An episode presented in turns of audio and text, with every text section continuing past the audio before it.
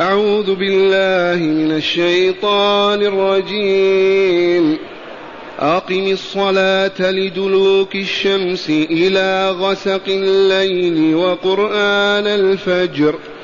إن قرآن الفجر كان مشهودا. ومن الليل فتهجد به نافلة لك عسى أن يبعثك ربك مقاما محمودا. وقل رب أدخلني مدخل صدق وأخرجني مخرج صدق واجعل لي واجعل لي من لدنك سلطانا نصيرا. وقل جاء الحق وزهق الباطل إن الباطل كان زهوقا. وننزل من القرآن ما هو شفاء ورحمة للمؤمنين. ورحمة للمؤمنين ولا يزيد الظالمين إلا خسارا. وإذا أنعمنا على الإنسان أعرض ونأى بجانبه وإذا مسه الشر كان يئوسا. قل كل يعمل على شاكلته فربكم أعلم بمن هو أهدى سبيلا. معاشر المستمعين والمستمعات من المؤمنين والمؤمنات قول ربنا جل ذكره أقم الصلاة لدلوك الشمس. أقم الصلاة. من الآمر يرحمكم الله؟ الله. من المأمور؟ رسول الله. أقم الصلاة يا رسولنا.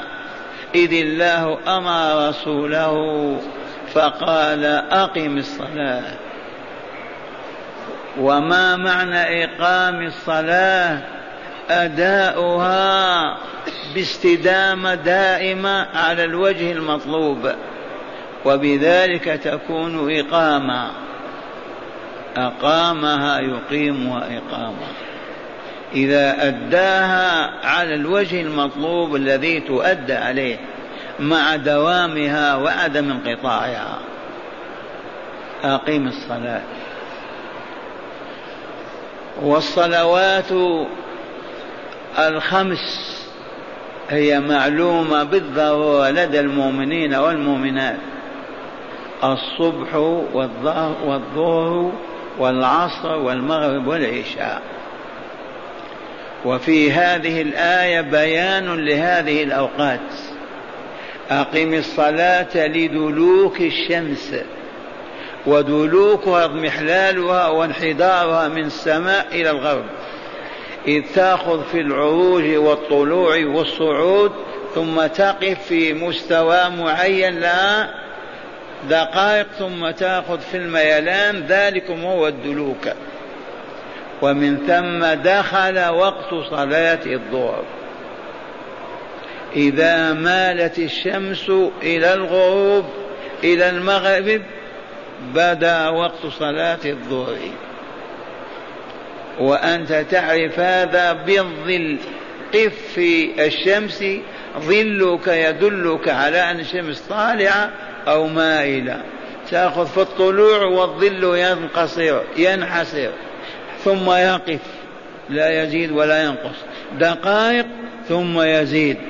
من ثم عرفت أن وقت الظهر وقت صلاة الظهر دخل. أقم الصلاة لدلوك الشمس إلى غسق الليل وهنا دخل الظهر والعصر. أقم الصلاة لدلوك الشمس الظهر والعصر. الظهر إذا زاد الظل مثله وقفت أو جعلت خشبة وقست ظلها وعرفته. إذا زاد مثله دخل العصر. ويستمر الوقت الفاضل إلى أن يصير الظل مثليه. وهنا الظهر والعصر مختلطا الوقت وقتهما متصل ببعضهما البعض. فلهذا المريض والمسافر يجمعهما في صلاة واحدة.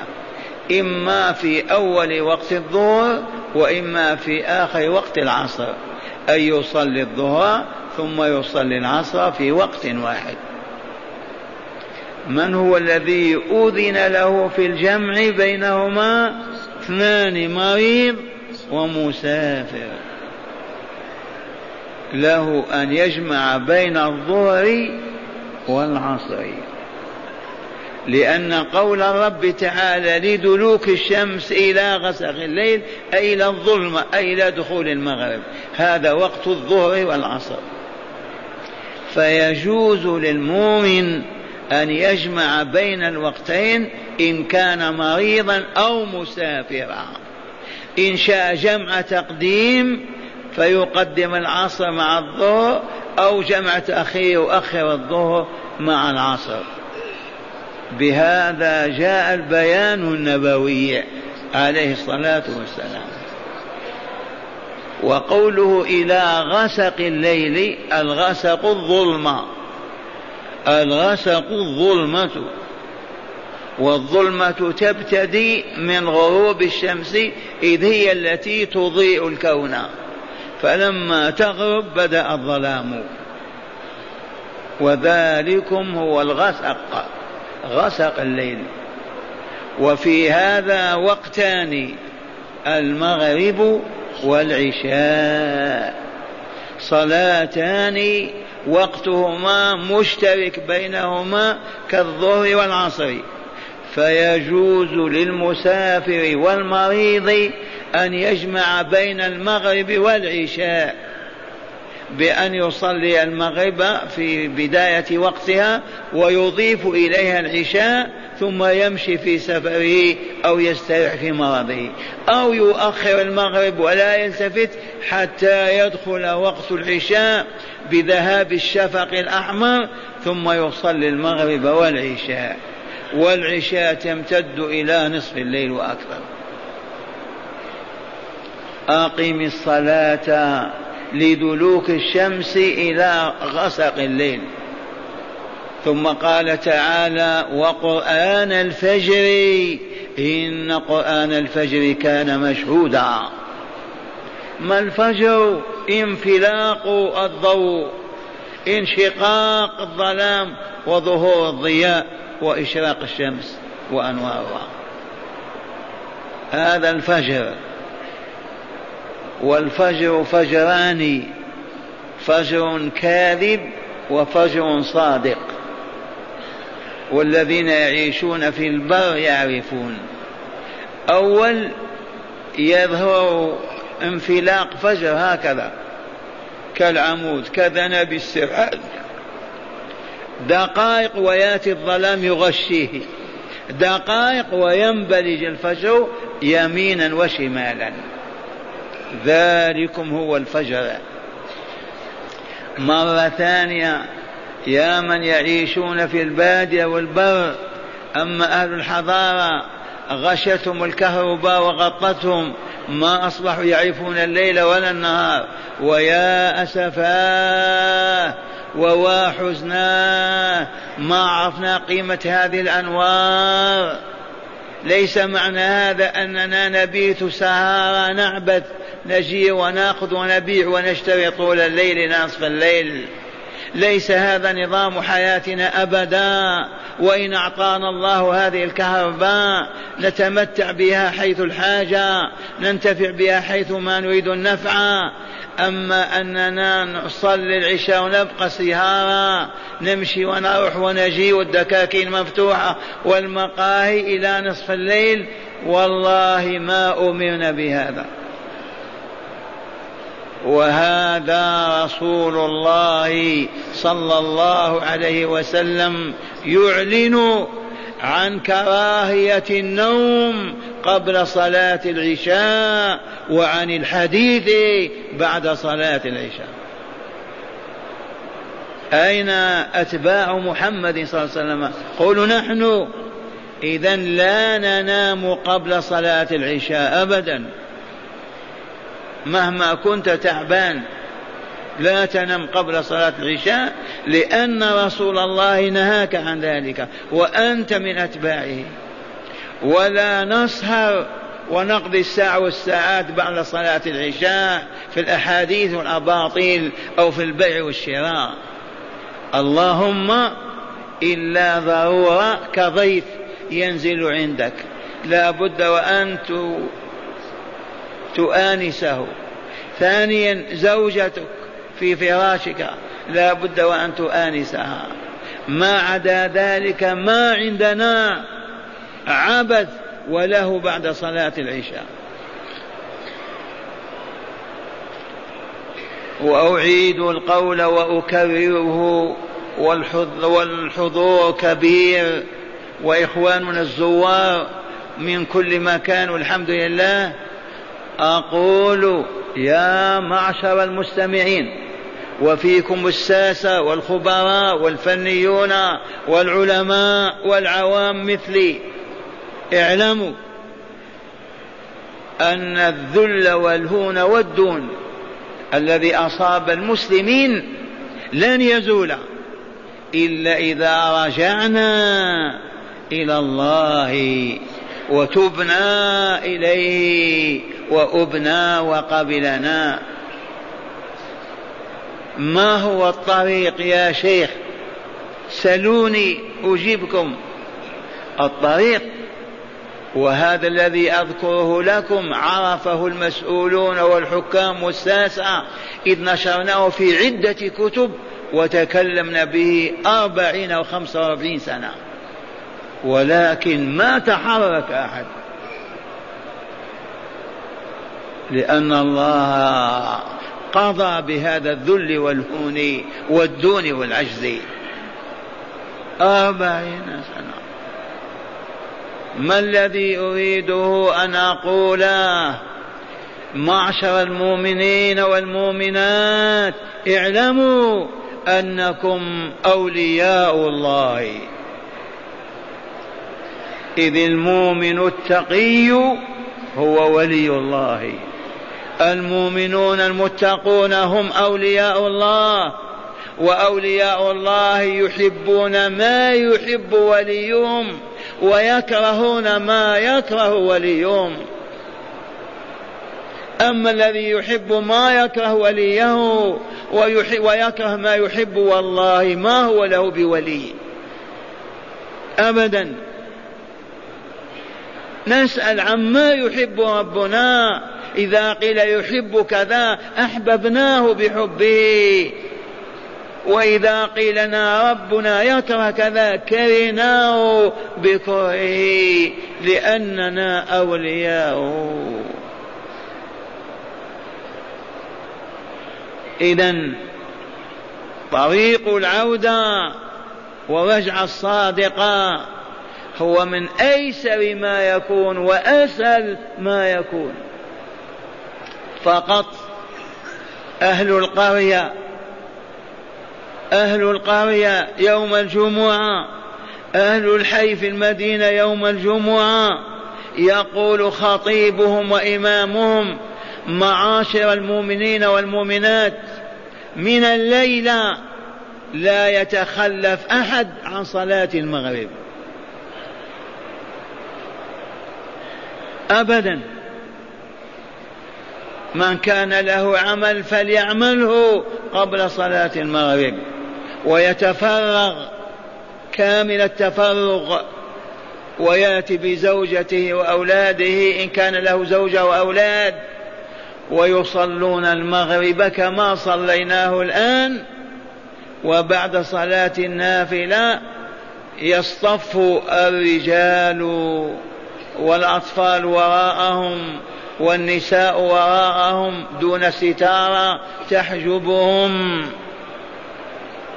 ثم يجلس لهم عالم بالكتاب والسنة بالقرآن وأحاديث الرسول صلى الله عليه وسلم ويقرأ آية كالتي قرأناها. أقم الصلاة لدلوك الشمس إلى غسق الليل وقرآن الفجر إن قرآن الفجر كان مشهودا. يرددها سبع مرات عشر مرات حتى تحفظ من كل الحضور نساء ورجالا. لما يحفظونها في حدود العشر دقائق ربع ساعة آية واحدة. يأخذ في شرحها في بيان ما فيها من الهدى والنور.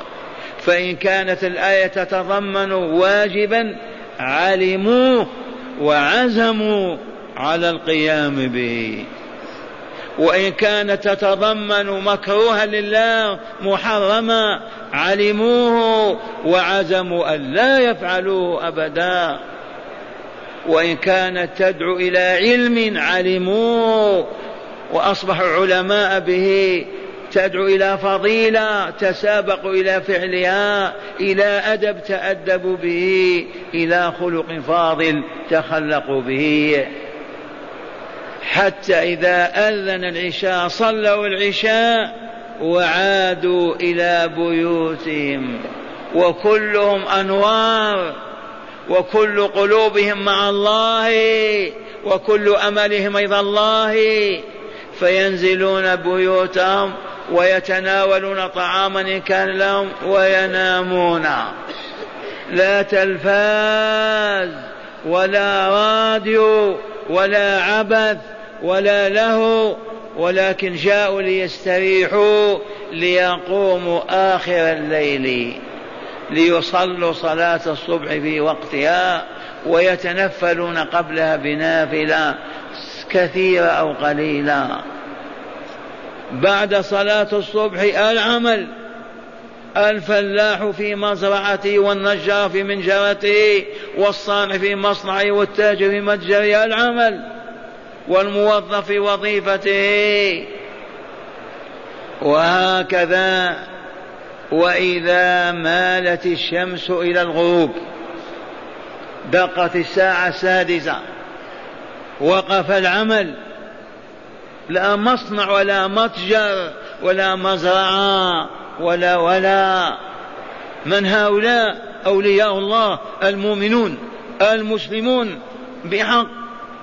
يتوضؤون يتنظفون يحملون أطفالهم ونساءهم إلى المسجد بيت الرب المسجد الجامع. الذي يوسعوه حتى اتسع لكل أفراد القرية أو أفراد الحي. وصلوا المغرب وجلسوا جلوسنا هذا ويتقدم المربي بحديث من أحاديث الحبيب صلى الله عليه وسلم الصحيحة. فيتلوه ويردده كما رددنا البارح ماذا رددنا؟ ساقي القوم آخرهم شربا. ساقي القوم آخرهم شربا. خمس دقائق عشر دقائق حفظ. حفظه النساء والأطفال والرجال. ثم يأخذ المربي المزكي النفسي يعلمهم ما ما يدعو إليه الحديث. فإن كان يدعو إلى عقيدة اعتقدوها. يدعو إلى فضيلة التزموها يدعو إلى نهي عن كذا انتهوا عنه وهكذا. وطول العام ليله آية وليله حديث. والله ما تمضي السنة حتى يصبح ذلك الحي أو تلك القرية كأنهم أصحاب محمد صلى الله عليه وسلم. علم وطهر وصفاء. والله ما يبقى بينهم من يشهد ويمد يده ولا يبقى بينهم من يسرق أو يفجر أو يزني أو يكذب أبدا لأن العلم يزكي النفس ويطهرها إنما يخشى الله من عباده من؟ العلماء. يبقى إن قلت الحكومة ما تسمح. أولا ما نستطيع أن نقول الحكومة لا تسمح ولو كانت بريطانيا. وإنما على الإمام المربي المزكي للنفس عليه أن يأخذ إذنا إما من عمدة الحي أو شيخ القرية أو الأمير الفلاني نحن نجتمع في بيت الرب بنسائنا وأطفالنا نروح على أنفسنا نزكي أنفسنا ونطهرها حتى ينتهي البخل والشح والبغضاء والعداء والظلم والشر والفساد. وإننا والله لن تشاهدوا منا إلا ما هو خير لكم وصالح لدولكم وبلادكم. وهو والله لكذلك والله ما يبقى في القرية من يكفر الحاكم أو يسبه أو يشتمه أو يقول ليس بشيء أبدا. لأنهم اتصلوا بالملكوت الأعلى وأقبلوا على ربهم. لا ظلم ولا خيانة ولا غش ولا حب الدنيا ولا الشهوات ولا الأهواء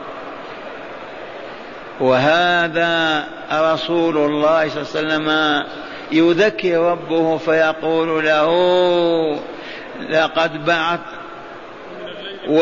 لا لا هو الذي بعث في الأميين رسولا منهم يتلو عليهم آياته ويزكيهم ويعلمهم الكتاب والحكمة. والله لتسعد تلك البلاد. وتعز وتسود. وحكام ومسؤولها كلهم يؤوبون إلى الله ويرجعون إليه إذا رجعت الأمة وأقبلت على الله. وإن قال قائل كيف نوقف دولاب العمل مع الساعة السادسة ونترك متاجرنا ومصانعنا وأعمالنا؟ قولوا له أليس اليهود والنصارى في أوروبا والصين واليابان إذا دقت الساعة السادسة وقف العمل؟ صح ولا لا؟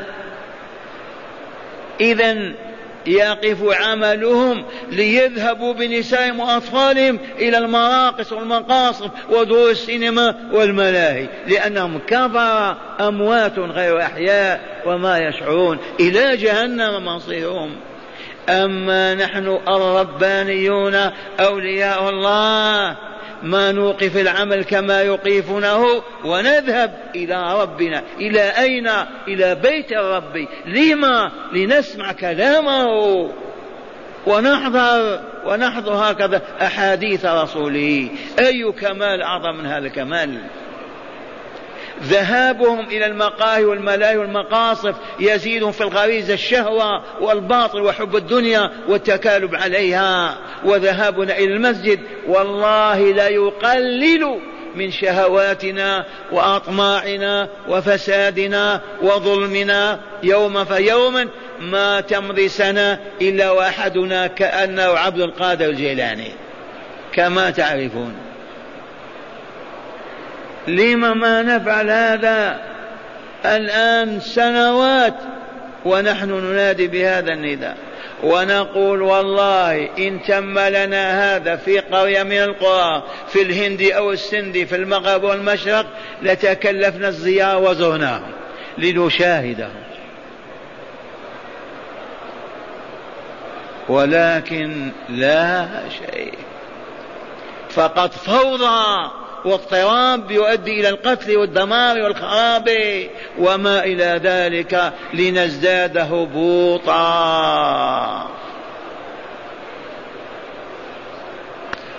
معاشر الحجاج سمعتم هذا الكلام؟ فهمتموه وإلا ما فهمتموه؟ لغتنا شبه بربرية ما فيها غموض واضحة والحمد لله. يا أهل القرية أنتم حاضرون. قولوا لإمامكم يا إمامنا ادعوا الناس يوم الجمعة من الليلة أن نحضر صلاة المغرب جميعا وعلمنا آية من كتاب الله حتى ننسى الدنيا وشهواتها وآلامها وأتعابها. ما المانع اذكروا هذا واللهم اشهد فقد بلغت عبادك الصالحين. والآن نعود إلى الآية الكريمة. أقم الصلاة لدلوك الشمس. ما معنى دلوك الشمس؟ ميلانها إلى الغرب. في وسط النهار تقف ثم تميل. إلى متى نقيم الصلاة؟ أي الظهر والعصر؟ إلى غروب الشمس. علمنا أن وقت الظهر والعصر مشترك بينهما. كذا ولا لا؟ إلى غسق الليل غسق الليل ظلمته متى تبتدي؟ بعدما تغيب الشمس وإلا لا دخل وقت المغرب. يبقى الوقت للعشاء للمغرب والعشاء إلى أن يغيب إلى ما بعد نصف الليل. وعلمتم أن المسافر كالمريض له يجوز له أن يجمع بين الظهر والعصر في وقت إحداهما أو أحدهما ويجمع بين المغرب والعشاء في وقت أحدهما بإذن رسول الله صلى الله عليه وسلم. ما هو قال المذهب الفلاني؟ وقوله تعالى وقرآن الفجر قرآن الفجر يعني صلاة الصبح. أطلق عليها القرآن والصلاة هي القرآن. القرآن هو الصلاة. قرآن الفجر أي قراءة القرآن في صلاة الصبح. هذا قرآن الفجر. ومن هنا تمت الأوقات الخمسة وإلا لا في كتاب الله. وآية من سورة هود المكية أيضا أقم الصلاة طرفي النهار وزلفا من الليل إن الحسنات يذهبن السيئات. دلت على أوقات الصلوات الخمسة. آية مكية في سورة الروم. فسبحان الله حين تمسون وحين تصبحون وله الحمد في السماوات وعشيا وحين تظهرون. كذلك. إلا أن هذه الآية أوضح. واعلموا أن هذه الأوقات نزل بها جبريل عليه السلام من الله من الملكوت الأعلى والرسول في مكة يوم جاء من رحلته إلى الملكوت الأعلى. وهل الرسول صلى الله عليه وسلم رحل إلى الملكوت الأعلى. والله الذي لا إله غيره. لقد غسل قلبه في ماء زمزم في ماء زمزم. وحشي بالحكمة والإيمان وعرج به إلى الملكوت الأعلى وجلس بين يدي الله يسمع كلامه ولا يرى وجهه وفرض عليه الصلوات الخمس وعاد إلى مكة وفراشه ما زال دافئا.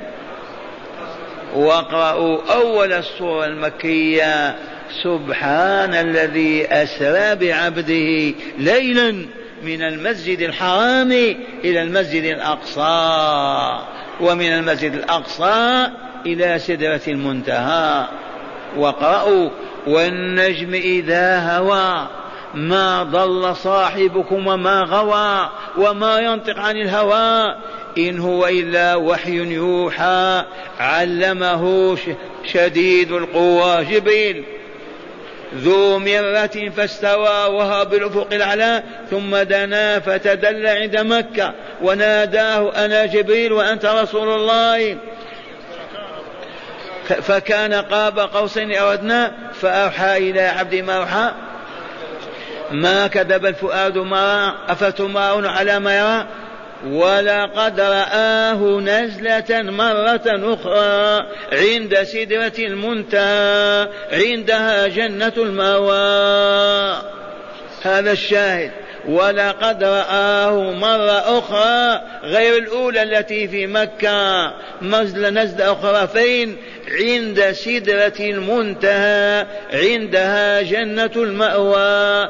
إذ يغشى السدرة ما يغشى من النور. ما زاغ البصر وما طغى. لقد رأى من آيات ربه الكبرى.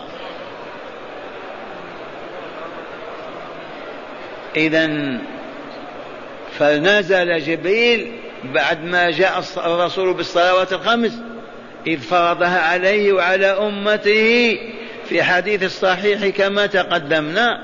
فنزل جبريل فصلى به الصبح في أول انفلاق الفجر. وصلى به الظهر عند دلوك الشمس. وصلى به العصر عند عند بعدما كان الظل مثله. وصلى المغرب بعد الغروب وصلى به العشاء بعد الشفق. هذا اليوم الأول. وجاء في اليوم الثاني. فصلى به بعد بعد بعد فصلى به بعد بعد أن أصفر الجو وأصفر الإصفرار. لكن قبل طلوع الشمس. وقت الإسفار فكان بين الوقت الأول والثاني وقت وصلى بدلوك الشمس عندما كان الظل مثل مثله وصلى العصر بعدما كان الظل مثله فاشترك في الوقت وصلى المغرب به في أول الوقت وصلى العشاء عند غياب الشفق الأحمر. فعلمه الأوقات وعلم رسول الله أصحابه وأمته ونحن نعلم ذلك والحمد لله. هذا ما نقوله في قول الرب تعالى أقم الصلاة لدلوك الشمس إلى غسق الليل وقرآن الفجر. إن قرآن الفجر كان مشهودا. من يشهده يرحمكم الله؟ يقول الحبيب صلى الله عليه وسلم يتعاقب فيكم ملائكة بالليل وملائكة بالنهار. يتعاقبون لغة أيضا. يتعاقبون فيكم لا ملائكة بالليل وملائكة بالنهار. ملائكة النهار يحضرون صلاة الصبح. ملائكة الليل معهم. يستلمون العمل. وملائكة النار يستريحون ملائكة الليل يستريحون لأنهم باتوا معك. طلع الفجر يجيء ملائكة النار يستلمون العمل ويشهدون صلاة الصبح. جاء العصر يجيء ملائكة الليل يستلمون العمل ويستريح ملائكة النهار. يتعاقبون فيكم ملائكة بالليل وملائكة بالنهار. فيسألهم ربهم كيف وجدتم عبادي يقولون وجدناهم في الصلاة وتركناهم في الصلاة. هذه تساوي مليارات الدولارات. أن ترفع شهادتك إلى الله بأنهم وجدوك في الصلاة وتركوك في الصلاة. معناه ما عندك ذنب أبدا. من صلى البردين دخل الجنة. يقول الرسول صلى الله عليه وسلم من صلى البردين ما البردان هذان؟ الصبح والعصر. الصبح برد ولا لا؟ والعصر بالنسبة إلى الظهر برد ولا لا؟ من صلى البردين دخل الجنة. فلهذا أبناء الإسلام لا تفوتنا أبدا صلاة الصبح في جماعة وصلاة العصر في جماعة. إذ الملائكة المكلفون بكتابة الأعمال وتدوينها الكرام الكاتبين يتناوبوننا ملائكة بالليل وملائكة بالنهار. متى يستلم ملائكة النهار العمل؟ صلاة الصبح. متى يستلم العمل ملائكة الليل؟ صلاة العصر. هذا معنى قوله تعالى وقرآن الفجر كان مشهودا. من يشهده؟ الملائكة الذين جاءوا ليتولوا العمل والذين كانوا يعملون ويعودون. واقرأوا قول الله تعالى من سورة الانفطار وإن عليكم لحافظين كراما كاتبين يعلمون ما تفعلون. كل واحد مختص بأربع ملائكة. كل واحد أربع ملائكة. ملكان ملك عن يمينه يكتب حسناته وملك عن شماله يكتب سيئاته. وكاتب السيئات ما يستعجل ينتظر. فإن تبت واستغفرت ما كتب أما كاتب الحسنات بمجرد ما تفعل خيرا يكتبه. من فضل الله تعالى ورحمته. وإن عليكم لحافظين أي لأعمالكم كراما والكريم يكتب لك ما ليس عليك أبدا ينقص كما عندك ما ينقص. كريم يعلمون ما تفعلون. هكذا يقول تعالى أقم الصلاة لدلوك الشمس إلى غسق الليل وقرآن الفجر أي واشهد قرآن الفجر إن قرآن الفجر كان مشهودا. ومن الليل فتهجد به نافلة لك. عسى أن يبعثك ربك مقاما محمودا. هذه الأيام التي نزلت في هذه الآيات كان الرسول في آلام أتعاب كروب أحزان لا تتصوروها ماتت خديجة مات عبد أبو طالب. فعلوا به العجب أرادوا قتله وحاولوا. هنا يبشر ربه. فيقول له ومن الليل فتهجد به نافلة لك أنت. لعلو مقامك وسمو مكانتك ولما ينتظرك من الكمال والخير. فلهذا قيام الليل من سنن الرسول صلى الله عليه وسلم ولكن ليس بواجب على أحد إلا على رسول الله صلى الله عليه وسلم. يا أيها المزمل قم الليل إلا قليلا نصفه أو انقص منه قليلا أو زد عليه ورتل القرآن ترتيلا. إن ربك يعلم أنك تقوم أدنى من ثلثي الليل ونصفه وثلثه وطائفة من الذين معك. اللهم اجعلنا منهم.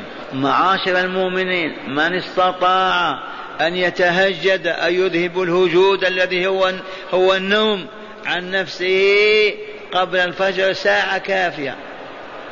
خلي عند راسك ساعة دقاقة جراسة واجعلها بساعة أو ساعة عشر دقائق قبل أذان الصبح وقم. تصلي ما شاء الله. أن تصلي ثماني ركعات تقرأ فيهما حزبين أو أربع أحزاب ثم تصلي الشفع ركعتين والوتر ركعة. لما تفق يقول المؤذن لنداء الصبح الله أكبر. والله لقد قمت الليل. فقط يعينك على ذلك. ألا تسهر سهر الباطلين واللاهين واللاعبين أمام تلفاز أو أمام فيديو أو كذا أو كذا وأنت تضحك. هذا ليس لك أبدا. ما عندنا هذا. لما؟ لأننا نريد أن نخترق سبع سماوات. مسافة سبع آلاف وخمسمائة عام لنصل إلى الجنة دار السلام. فنتحمل إذا أتعابا فوق أتعاب. ولا حرج. فلا ننام كما ينام أهل النار. ولا ناكل كما يأكلون ولا ننكح كما ينكحون. لأننا لنا أمل متى تعرج يعرج بروحنا إلى عليين. كلا إن كتاب الأبرار لفي عليين وما أدراك ما عليون كتاب مرقوم يشهده المقربون. ما إن تفيض الروح إلا والملائكة موكب. هو ملك وملكان موكب. كما تشاهد مواكب الملوك والرؤساء يرفعونها إلى الملكوت الأعلى ويستأذنون لها في كل سماء فيفتح لها ثم تنتهي إلى العرش تحت العرش ويأمر رب بكتابة اسمها في عليين ثم تبقى في جنات النعيم. حتى تنتهي هذه الدورة التي قالت عما قريب تنتهي ويخلق الله لنا أجساما جديدة أخرى طولها ستون ذراعا وتنزل الأرواح من دار السلام وتدخل في تلك الأبدان. وإذا بنا في ساحة فصل القضاء كما نذكر هذا غدا إن شاء الله.